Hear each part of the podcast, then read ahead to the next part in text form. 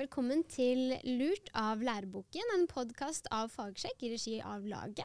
Lurt av læreboken har som mål å fremme kritisk tenkning og faktaformidling.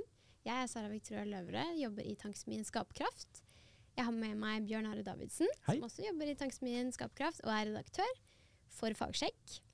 Og du er opptatt av å etterforske fakta og rydde opp i feil. Ja. Og så har vi i dag med oss en gjest. Velkommen til Line Cecilie Eng.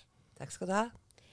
I dag så skal vi snakke om hvilket bilde norske læremidler gir av middelalderen. Hvorfor middelalderen males i så mørke farger, og hva vi kan gjøre med det. Du, Line, du er førsteamanuensis i idéhistorie ved UiO og har forsket mye på middelalderen.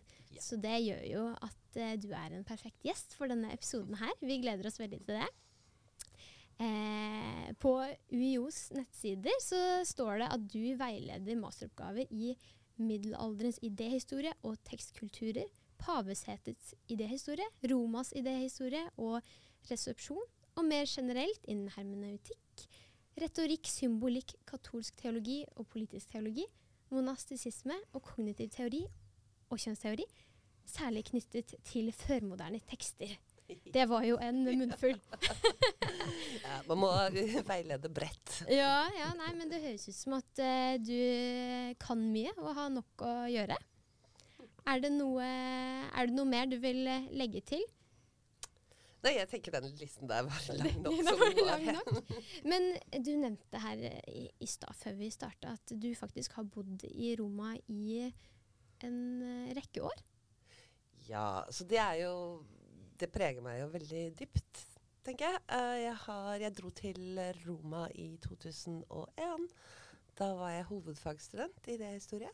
Mm. Så skulle jeg være et år, jobbe med middelaldermanuskripter og ta et liksom, diplom i det, da. Mm. Og så, eh, men hvis man er et år i Roma, så klarer man ikke å dra igjen. Så, så jeg klorte meg fast i 17 år til. Ja, Bedre å være bare en, en helg, ja. Ja, det er mye lettere. Nei, men Så spennende. Men det preger arbeidet mitt, selvfølgelig. Ja. Ja, kult. Det, Det kommer vi kanskje litt inn på etter hvert. Men, eh, men litt sånn generelt. Altså, du, jeg har fått inntrykk av at du er veldig glad i middelalderen. ja. Kan du si litt om hvorfor Hva er det du liker så godt med den epoken? Mm. Um, så det, det, det er vanskelig å si det helt kort, men det var jo en opplevelse av å oppdage noe da jeg først begynte med middelalder. Uh, og det som åpnet døren, var vel uh, Dante og Den guddommelige komedie.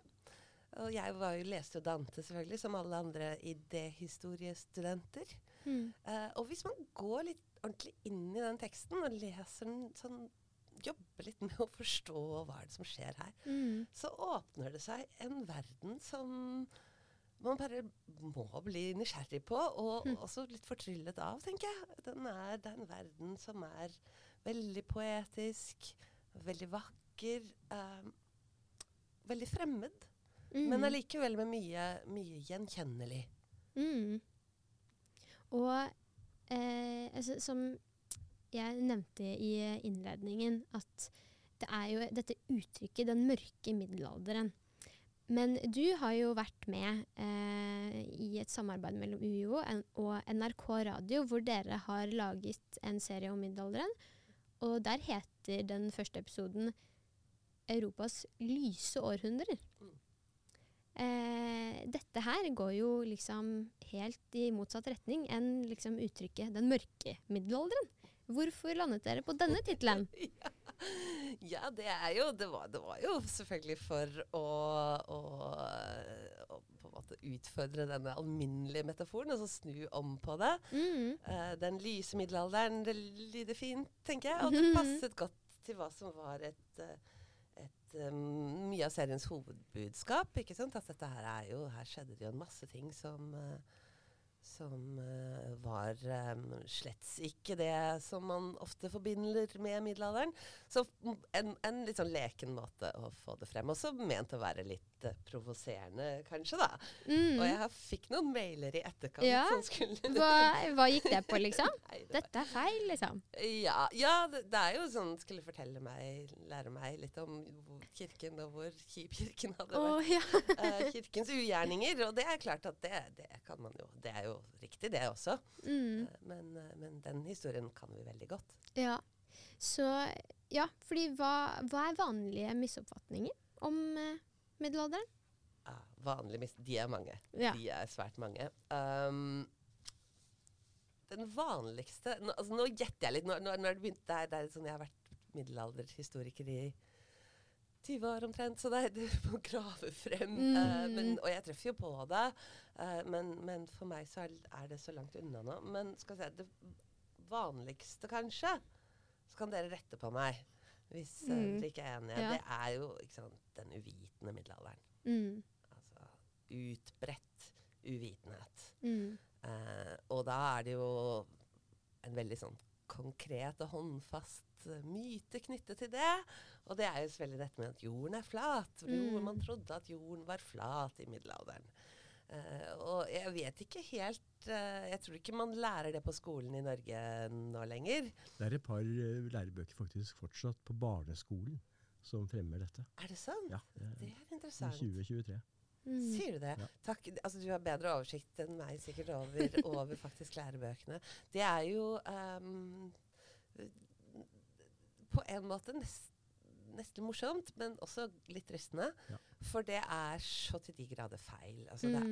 det er um, mm, Det som skjer tidlig middelalder, um, sen antikk, sånn perioden kanskje f mellom altså oss si 300-tallet og 500-600-tallet, er at det foregår en sammensveisning mellom gresk-romersk lærdom, filosofi, vitenskap og, eh, si, det, og kristen lære. Ikke Mm. Sånn at, og der er det jo dette med at jorden var rund, er var jo opplest og vedtatt i, i gresk, eh, gresk og romersk eh, vitenskap. Og det Mm. går rett inn. Og det er jo Vi har ikke sant, de tidlig, tidlig store um, si, teologene som også driver med kosmologi og vitenskap. Eh, som Isador, Isidora Sevilla og Beda den ærverdige. Da er vi liksom Mm. på 600- og 700-tallet. Det det, er helt, det er helt uttrykkelig at jorden er eh, ikke liksom rund, bare rund form, men den er, den er, den er en kule. Det er som en Mm. ball. Mm. Så, så det er, men det er jo en, det er jo en myte man mye treffer på. Og det, som jeg tenker reflekterer dette med uvitenhet. Men klart, altså uvitenheten i middelalderen går jo eh, liksom, Forestillingen om uvitenhet går jo mye bredere. Som om man bare brydde seg om religion, eh, og ikke noe om, eh, om kunnskap i det hele tatt. Men altså, det er jo ikke bare ut fra hvordan vi har eh, snakket om dette, dette sammenføyningsprosjektet Mm. av vitenskap og lærdom fra antikken og den kristne lære, så er jo det eh, også helt veldig, veldig feil. Så det er jo, det er jo en Det er jo det, det, det er et kunnskaps, eh, en kunnskapsparadigme en kunnskapsverden som er veldig annerledes enn vår, bygger på andre premisser, men, men ekstremt veldig sofistikert. Ja. Opptatt av kunnskap likevel, selv om det var på andre premisser. Ikke sant? Og det er jo, så kunnskap er jo eh, Det er jo så mangt, ikke sant? Det er jo Mm. ikke bare vår moderne uh, vitenskap. Mm. Vitenskaper som er kunnskap. Det var Mm. det som slo meg når jeg leste en del om dette, her, var jo at man hadde faktisk leksikon i middelalderen. Altså, kalle det for det, da. Det er Isidors uh, etymologia. ja, ja.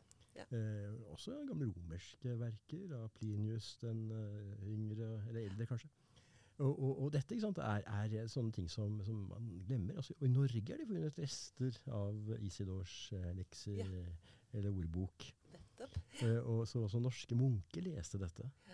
Absolutt. Så, og det er jo Det er jo Vi kan ganske enkelt slå fast at alt vi har bevært, bevart av lærdom fra antikken, er eh, Altså ikke alt, men nesten alt, er formidlet gjennom eh, gjennom eh, særlig munkene og, og, og også nonner, selvfølgelig, og klosterordnene. Så det var de religiøse institusjonene som tok vare på de gamle tekstene, kopierte dem, sirkulerte dem, sånn at det ikke gikk tapt da for uh, århundrene som fulgte. Mm. Og så kommer det også utenfra, men det er jo en lengre og mer komplisert historie. Men rett og slett man tok vare på, man tok vare på lærdom. Da, da svært mye av de sånn, sosiale og økonomiske og institusjonelle strukturene i det vi nå kaller Europa, da, men særlig i det som var tidligere det vestromerske keiserriket, eh, kollapset på, Mm. eh, utover på 400- og særlig 500-tallet. Så ble dette allikevel Mm. ivaretatt. Og det er faktisk ganske Det, er, det, er ikke, det var ikke en opplagt sak Mm. at det skulle skje, men det, det skjedde. Så det var klostrene som var spydspissen Ja, der. så spennende.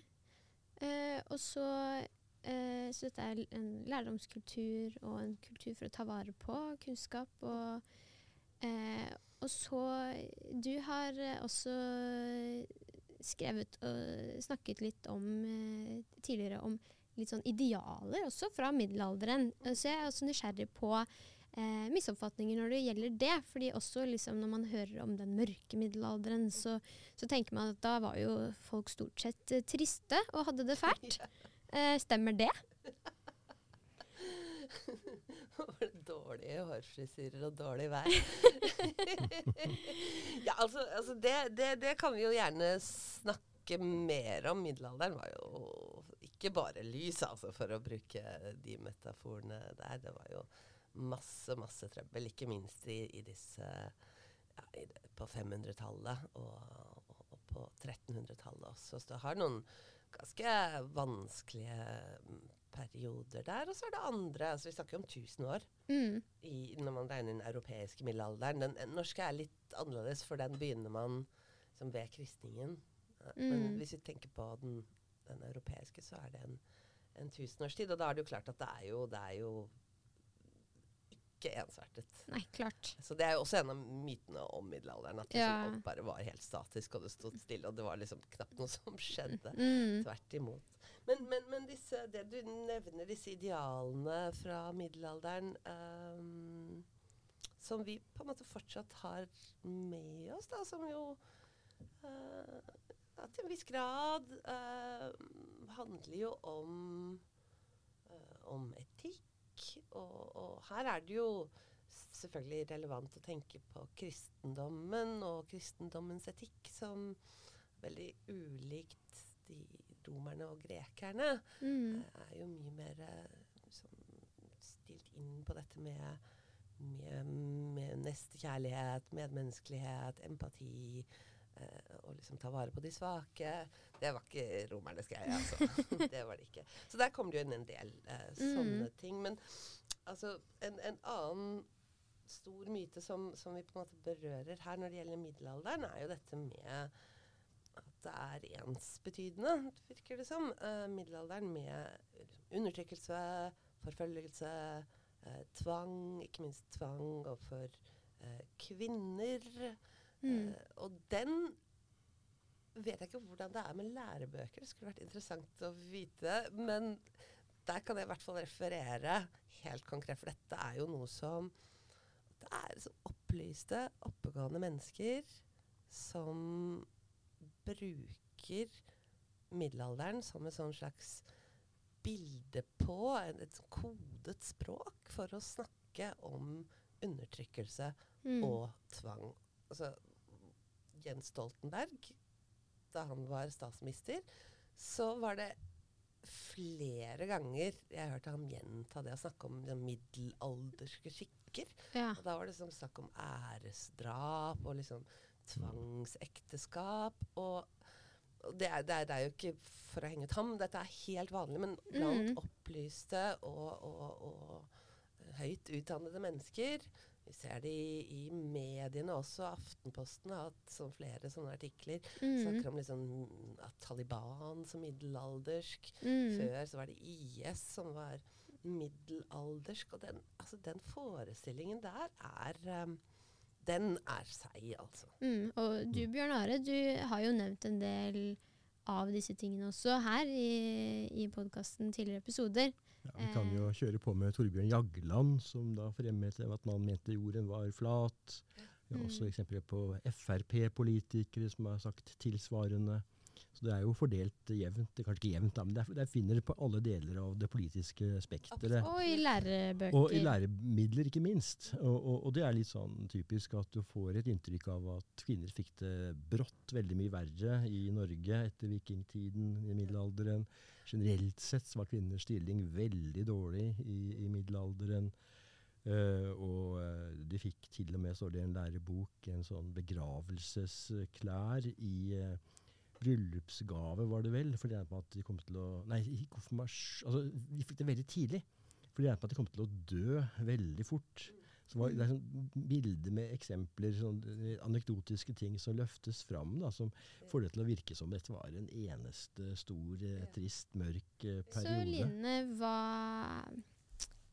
Er det en annen eh, realitet òg, på en måte? En lysere Kan du fortelle oss Ja, altså om det, dette? det, er jo, det er jo mange ting man kunne anføre her. Nå har vi snakket litt om dette med, med nettopp kunnskap og hvordan det på en måte ble ivaretatt og dyrket. Um, når det gjelder det vi er inne på nå, med undertrykkelse og liksom kvinnefiendtlighet, så er jo um, og, og tvangsekteskap og sånt, det er så De har jobbet ganske mye med ekteskap i middelalderen. Mm. Um, det vil si, jeg jobber jo mer ut ifra Skal vi si um, ideologi og uh, teologi rundt ekteskapet. jeg bruker ikke liksom graver inn i liksom, sosialhistorie med ekteskap, men liksom forestillinger om det. Mm. Og selvfølgelig også da hvordan dette forplanter seg inn i lovgivningen, altså i kirkeretten. Uh, og og, og altså, det er jo fortellingen, rett og slett, om hvordan ekteskapet gikk å være liksom,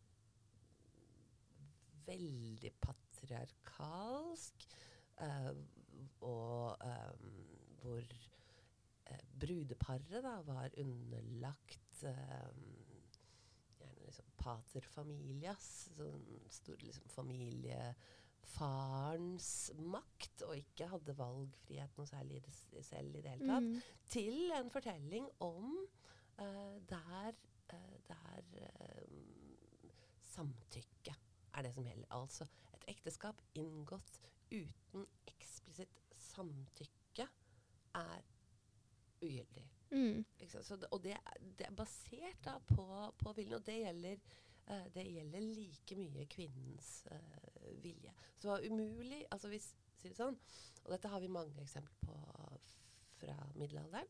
Eh, for det var oppe i rettssaker at hvis det var eh, en kvinne som mente at hun hadde blitt tvunget inn i et ekteskap hvor hun ikke ønsket å, å, å, å, være, så um, så, så ville hun få medhold fra uh, kirken Mm. uh, i, i, i den saken. Mm. Eller også motsatt. Det var også mange hvor hun mente at det var eh, avgitt ekteskapsløfter, og også liksom fullbyrdelse, som man vet hva er. ikke sant? Mm. Eh, så kanskje ikke sant, er hun gravid, og så stikker mannen av og sier nei, nei, nei, det var bare en liten fling. Så eh, ville hun men så ville hun liksom kunne hevde at nei, dette var, dette var et ekteskap eh, fordi han, han, han lovet meg troskap. Mm. Uh, og få, få medhold fra kirken i det. Så det er ikke den på noen måte Det er, det er ikke for å si at liksom eh, alt var likestilt og fryd og gammen i middelalderen, men det er, det er, det er, det er, er den, La oss si det er bedre sånn sett uh, når det gjelder ekteskap, så, og, og for, med tanke på kvinner og tvang, så er middelalderen bedre enn uh, enn antikken, ikke tvil om. Og, og, og også våre prinsipper om at det må være det samtykke Mm. som spiller en rolle. Det ble grunnlagt da. Så det er rett og slett en del eh, som vi har arvet fra middelalderen, som men som ikke vi vet er fra middelalderen, og egentlig er ganske overraskende når man hører om det. Så når du står der i kirken eller eh, på, hos fogden eller hvor det er og sier liksom, svarer ja på det Mhm. spørsmålet, så handler det om fra middelalderen, nemlig denne, dette uttrykket for konsensus, altså samtykke. Det er Mm. det du gjør da. Det, det kommer derfra. Mm. Og det, var, det gagnet kvinner.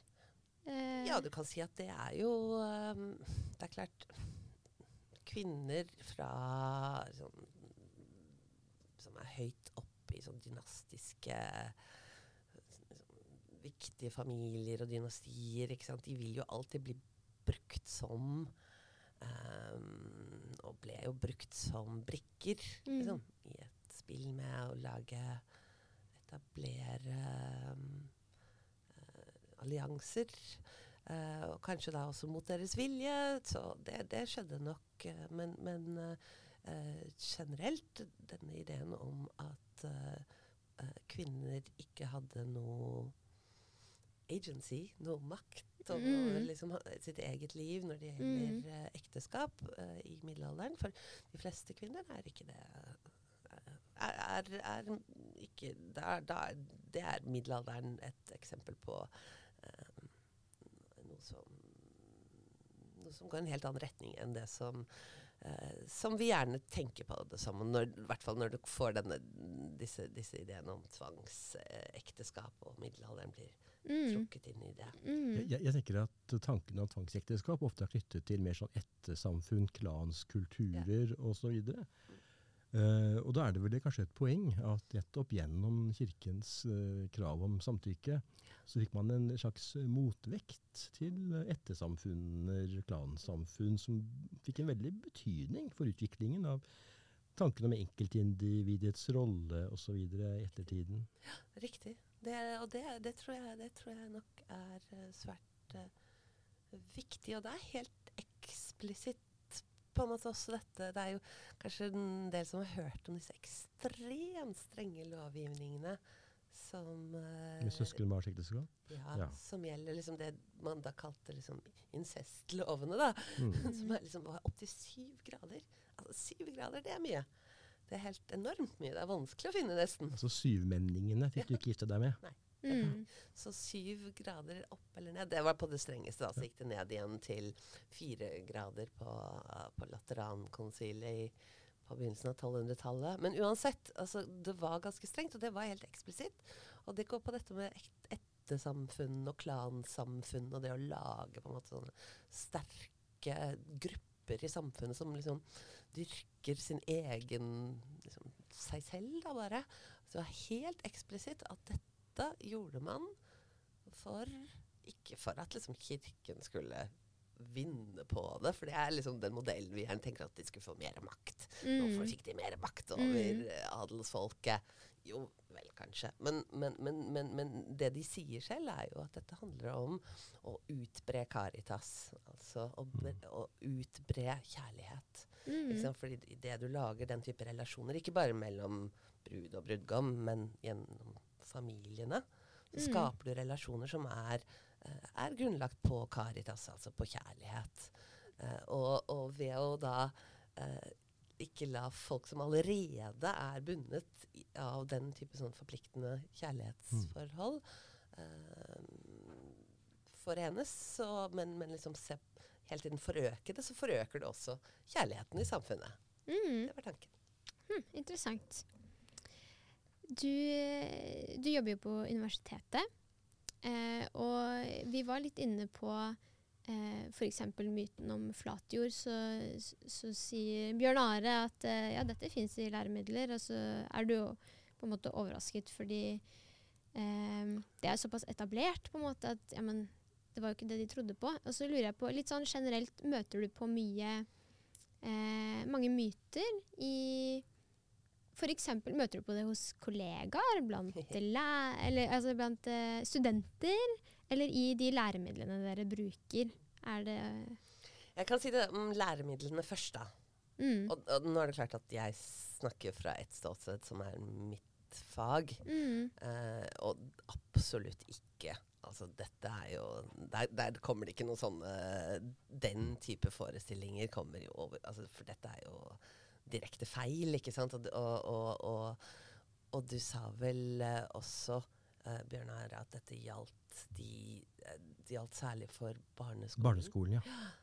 Som er jo kanskje liksom enda mer graverende. Men det, det, det, det tror jeg ikke du finner sånne type feil på i, på, i universitets... Uh, uh, altså bøker eller Mm. lærebøker siktet mot universitetet.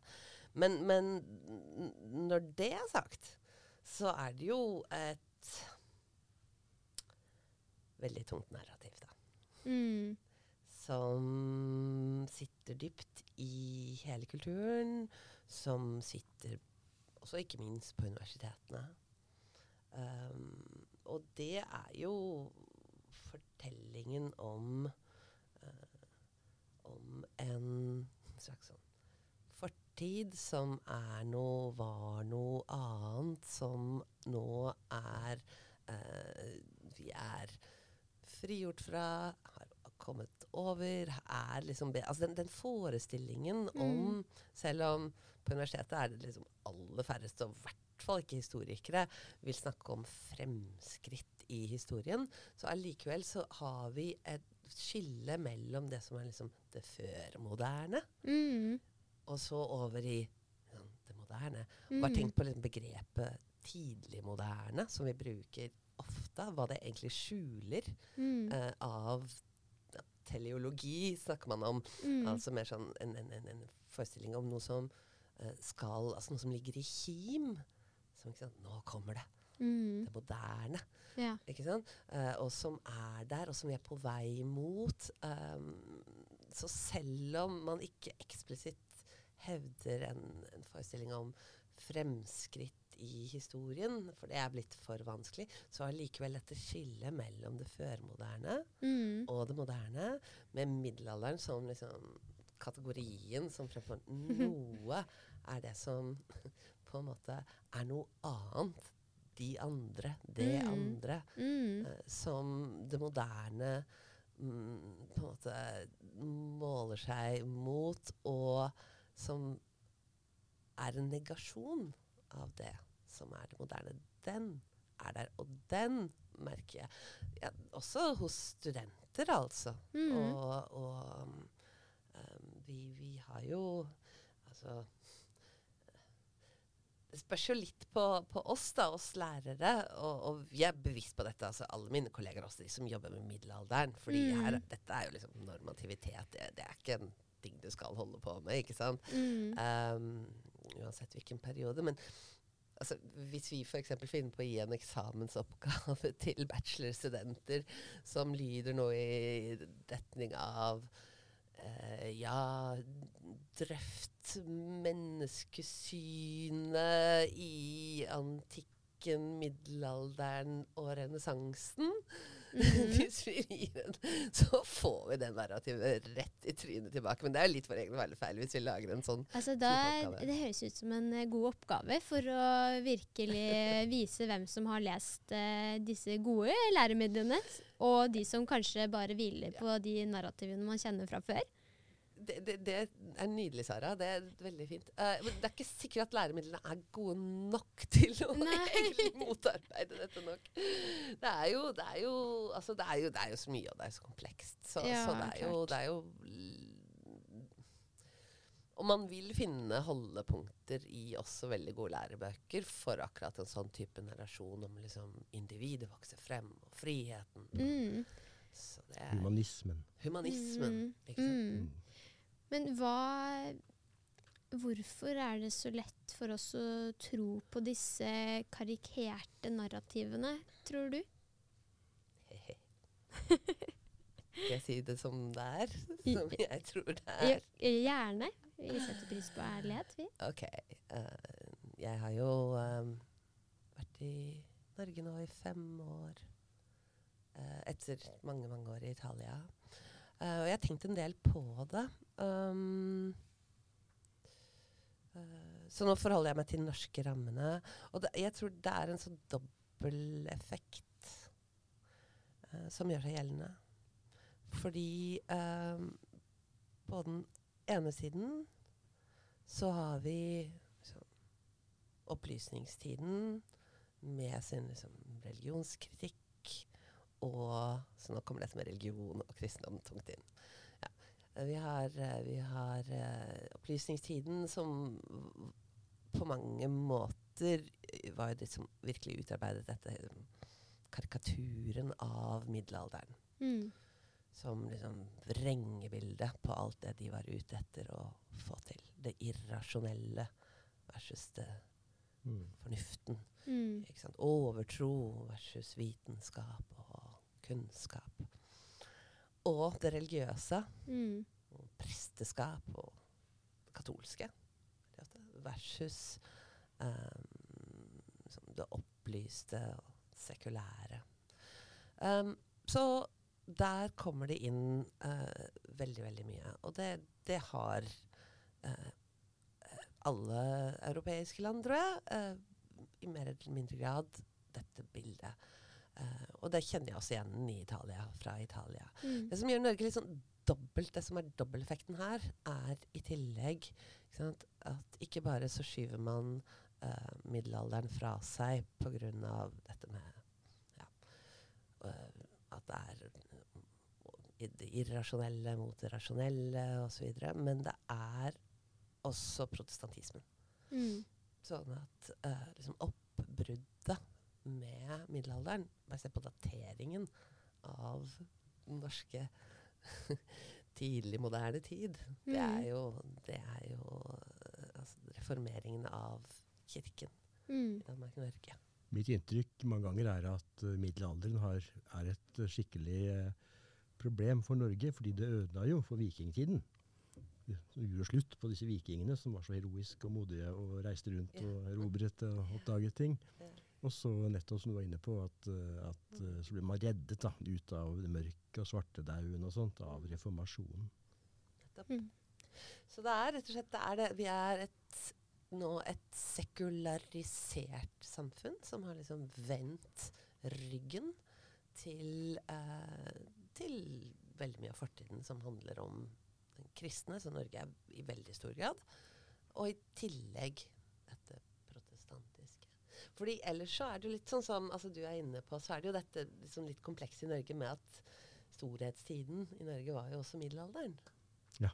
Så det er jo liksom eh, Altså det er, det er jo det er jo P.A. Munch og sant, det norske folket og middelalderen og da liksom, Norgesveldet. Og du heller romantikken og nasjonalismen på 1800-tallet som som løfter dette fram. da. Noe av det i hvert fall. Og, og eh, samtidig løfter fram vikingene. Og, men at protestantene også da fikk uh, ord av den hellige som en slags uh, jeg håper å si, protestantisk eller sekulær helgen og nasjonalhelgen. Ja. Eh, det, det er mye interessant man kunne snakket om der. Eh, jeg- bare kom på dette med middelalderens mørke og, og, og tristhet, som vi var inne på i stad. At i det NRK-programmet jeg hørte på, et av dem i hvert fall, så snakket eh, kanskje det var du om at uh, glede kom med middelalderen. Det var jeg litt nysgjerrig på. Uh, ja, altså dette med glede var, Jeg tror ikke det var meg, um, men jeg skulle gjerne ha sagt det. um, det var Altså uh, Ja, det, her er det jo gjort ganske mye på både humor og glede. Eh, og livsglede, rett og slett, eh, når det gjelder eh, middelalderen. Vanskelige ting å studere i ettertid, selvfølgelig. Men, men vi vet jo altså, Igjen, man tenker dette bildet av munker som, og nonner som går rundt og liksom selvpisker og er triste og, og nedbrutte og plager seg selv og alt dette. Altså, det å skulle hengi seg til tristhet på en eller annen måte, og til liksom melankoli, det var, det var altså, Da hadde du store problemer, og det var jo også en synd. Altså, du, skulle, altså, du, skulle, du skulle ha denne gleden over uh, over alt som var rundt deg og alle andre. Og ja, det, det var veldig Det er jo en del igjen av Altså gleden av liv, livet her og nå, og ikke bare liksom lengselen etter himmelen, som ofte kan være et sånt inntrykk av at man i middelalderen så var det så fælt fordi man nettopp hadde sånn ekstrem himmellengsel. Nei, nettopp. Men det er, jo en, det er jo en går an å tenke to tanker på samme tid. ikke sant? Det er jo helt Mm. riktig at man var veldig orientert mot uh, på en måte det som er mer enn, større enn Mm. bare en selv, og mer enn bare et lite menneskeliv. Det var, det var jo en, en viktig ramme, altså metafysisk, liksom. Det var jo, det var jo en del av sant, deres kunnskapssyn som vi snakket om, og Mm. deres uh, vitenskap, så å si. Og at Mm. det hele tiden lå noe bakenfor. ikke sant? Mm. Så det var jo viktig. Men en, en helt vesentlig del av dette var faktisk ja, at altså, Samtidig så er vi her nå. Og, og, og den katolske versjonen av kristendommen er jo ikke monarkismen, liksom. Det er ikke dualisme, sånn som, som Augustin eh, opponerte mot i sin samtid, ikke sant? Som, som har denne ideen om at eh, liksom, eh, livet her og nå er forferdelig, og kroppen er forferdelig, og eh, liksom, eneste løs forløsningen ligger i døden. Tvert imot. Det, er en, det, er, det var en hyllest til eh,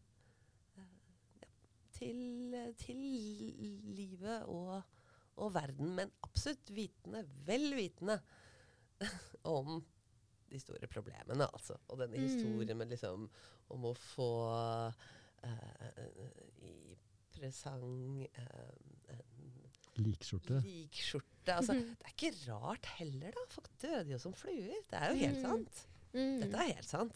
Det gjorde de i Mm. antikken også. Den The Splendid Light Antiquity. Det, de, de, de, de, de døde som fluer. Altså gjennomsnittlig levetid i romerske gullalderen var vel liksom mellom 35 og 40 år. Mm. Det interessante er jo at selv om dødeligheten begynte å avta først for alvor på 1800-tallet, med, med liksom bedre vilkår og forståelse av hygiene i, i eh, barsel og sånt, så er det ofte middelalderen man snakker om dette. Så er det liksom likt, som du sier, på, med antikken og renessansen og til og med opplysningstiden. Så er det jo eh, samme, mange av de samme vilkårene. Og i Norge så 1700-tallet var jo en fryktelig periode. Ja. Ja, ja. Og 16. Ja, det også. Ja. Mm. Ikke noe gøy. Mm. Men altså, det høres jo nesten ut som at de var flinkere til å, å holde to tanker i hodet samtidig da, for at de både hadde denne en, en glede, og samtidig forsto at eh, livet var, eh, var tøft. Og på en måte så ser jeg liksom i, i kontrast med egentlig også denne historiefortellingen, da, med hvor disse mytene og disse karikerte eh, ja, fremstillingene av eh, liksom epoker som enten bare bra eller bare dårlig. ja. Eh, liksom, hvorfor har vi behov for å karikere det sånn? Er det liksom, får det oss til å føle oss bedre? Eh, jeg, jeg så du hadde skrevet eh, om middelalderen at det var eh, en, denne baktalte historiske perioden. Og at liksom, hva, hva tenker du om det? At det får oss til å føle oss, føle oss bedre, eller? Ja. jeg, jeg tenker det er Altså, dette er den vi-dem-tenkningen igjen. Det er liksom Man Å tenke OK, hvem er vi? Hvem er vi? Vi er de moderne. Mm. Vi er de moderne. Hva er det vi ikke er? Altså, det, på en måte, du må ha noen som representerer det man selv ikke er. Mm. Det er jo helt sånn banal vi, eh, de andre-tenkning som, som vi mennesker holder på med i, Mm. eh, i utstrakt eh, grad. Og der har jo, som middelalderen som vi har snakket om, har jo middelalderen hatt en, eh, en, en viktig rolle. Å å nettopp være en sånn periode. Um, som man måler seg opp imot, og som på en måte er negasjonen av det. Alt det vi ikke er. Der det begynner å bli mm, ganske interessant også politisk, er jo der hvor uh, dette uh, Denne måten å tenke på uh, om liksom de andre som er ikke har liksom frigjort seg og ikke funnet frem til humanismen, og ikke liksom Mm. både frigjort seg og erobret da, nytt eh, land. Og litt sånn helt uavhengig av hva vi middelalderhistorikere sitter på sidelinjen og sier 'hallo, se på empirien', da. Det, det, det, er på en måte, det er ikke så farlig. Men altså, den, den bevegelsen her er, eh, den er til en viss grad um, parallell. Um, ikke bare liksom Skal jeg åh, det er sånn Prøve å unngå å si til studentene også. Det er ikke bare temporal, timelig i tid, altså historisk bakover i tid, Mm. de der andre der langt der borte i middelalderen, men den er også, uh, den er også spatial, altså Mm. uh, her og nå, Ja. geopolitisk. Mm. Uh, og dette er jo blitt pekt på at vi orienterer oss, og nå er det liksom ta den sånn bakvaskingen, da. Mm. Denne, dette vi-et, som på en måte er de fornuftige og de som har eh, både frigjort oss og, og, og erobret nytt land. Eh, vi ser jo um, altså, bruker en slags sånn det, det det blir kalt en usamtidig samtidighet Mm. til å snakke om andre som lever i verden her og nå, men som befinner seg da på et lignende stadie eh, som man gjorde i middelalderen. Det er derfor Jagland eller Stoltenberg eller Aftenposten-journalister eller svært mange andre eh, altså Vi snakker så lett om liksom, IS eller Taliban som middelaldersk. Mm. Fordi det for premisset her, forutsetning for å snakke sånn og tenke sånn, er at det er eh, at man ikke alle beveger seg i lik hastighet og er på samme nivå Mm. hele tiden, men at det er liksom, man er litt på ulike spor. Da. Mm. Så ja, dette er en måte, tenker jeg, som er veldig Jeg har masse politiske implikasjoner og er veldig, eh, veldig eh, ja, er, er, full av eh, si, ja, både politisk og kulturell betydning, Mm. og som vi ikke ser. Mm. Og eh, vi er på vei mot en landing, men jeg er veldig nysgjerrig på om du har noen tanke om hva løsningen er, eller hva- hva, kan vi lære av, av historien? Eh, hvordan kan vi forholde oss til dette på en god måte? Mhm. Takk for det kjempevanskelige spørsmålet. Hva kan vi lære av historien, og hvordan skal vi forholde oss til dette? Og ikke sant, dette med skolen og universitetene som trenger vi å Hvordan skal vi fremstille dette? Hvordan kan vi, hvordan kan vi fremstille dette på en riktigere måte? Og hvorfor skal vi gjøre det? Mm. Um, så min idé her er jo at, som jeg på en måte opplevde selv, da, men det er klart jeg endte jo opp som jeg gjorde med å være middelalderhistoriker, men det, altså, det er jo dette med at middelalderen um, kan utfordre oss, og også rokke ved våre forestillinger, som er, tenker jeg, alltid eh, viktig. Det gjelder jo ikke minst, kanskje, um, denne utstrakte arrogansen i, til det moderne. Modernitetens arroganse. Hvor man på en måte ikke tar lærdom og ikke høster av andre Mm. menneskelige erfaringer. Nettopp fordi det ligger sånne implisitte forestillinger om at det er ikke relevant, fordi det, det var noe helt annet. Mm. Vi er på et annet spor. Um, middelalderen viser oss, og det er ikke bare middelalderen. Dette gjelder også 1500-tallet, Mm. til en viss grad også 1600-tallet. Um, hadde, vi snakket om dette med kunnskapssyn. Um, var veldig opptatt av hva man hadde tenkt før, altså. Det var på sett og vis et kunnskapssyn som var tilbakeskuende. For oss høres det helt forferdelig ut. Tilbakeskuende. Ah, du skal være fremadrettet. Mm. Ikke sant? Men de var tilbakeskuende. Altså dess eldre en tekst var, dess bedre var den, og dess sannere var den. Men altså, dette her handlet jo om å bruke, gjenbruke, resirkulere kunnskap. Hente ut fra andre. Altså rett og slett ikke bare ta vare på, men aktivt gjenbruke. Mm. Vi derimot har sånn, det er sånn TED-talk i det, om at bare det som er liksom aldri noensinne takk sagt eller tenkt før. Det er det som er verdt å høre på. Så hva slags Mm. arroganse er det, liksom? Og er det bærekraftig? Mm. Så middelalderen kan vise oss noe helt, helt annet. Eh, og da må man, men da må man virkelig ta det på alvor. Og dette er jo Mm. litt vanskelig kanskje for skolebarna, men, Mm. men på universitetet så er det jo, og kanskje også, tenker jeg, gjerne mer på videregående. Uh? Å forholde seg til altså lese Dante, lese Thomas Aquinas. Dette er smarte folk, altså. Mm. Så tror du ikke at liksom, det bare er her og nå vi har skjønt noe. Ja. Og respektere det, ta det på alvor. Mm. Og det er hvorfor vi driver med historie i det hele tatt. Altså, hvorfor skal vi holde på med dette? Mm. Og jeg tenker at det er jo Når vi først er her, og alle sånn, Menneskeliv i alle tider er både mørke og lyse. Altså. Mm. Men er det én ting vi kan holde på med, så er det jo liksom forstå Hvem er vi? ikke sant? Mm. Forstå oss selv, forstå hva det er å være menneske. Mm.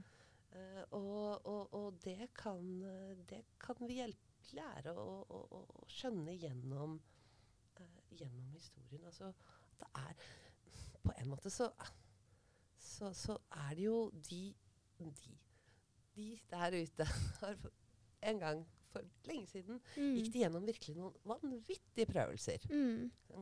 Invasjoner, kriger, Mm. sammenbrudd, økonomi, eh, sosiale strukturer eh, Også trusler mot liksom, kunnskap og kunnskapsbevaring. Mm. Jordskjelv, pandemier, Mm. Klimakriser. Den lille istiden i senantikken. Raske klimaendringer. Mm. Alt dette har vi mennesker holdt på med før. Mm. Vi har klart det før. Mm. Vi har liksom kommet gjennom det før. Men det krever transformasjon da, og evne til liksom. det, det krever at du omstiller deg, og Mm. klarer å omstille deg. Og dette kan vi lære av. Mm. Utrolig spennende. Tusen takk, Lina, at du ville være Takk med oss i dag. Utrolig mye spennende kunnskap og refleksjoner Mhm. som du har kommet med. Takk. Takk, Bjørn Are. Eh, takk til alle dere som har lyttet til eh, Lurt av læreboken. Følg med for eh, flere episoder, og sjekk oss ut på sosiale medier og fagsjekk.no.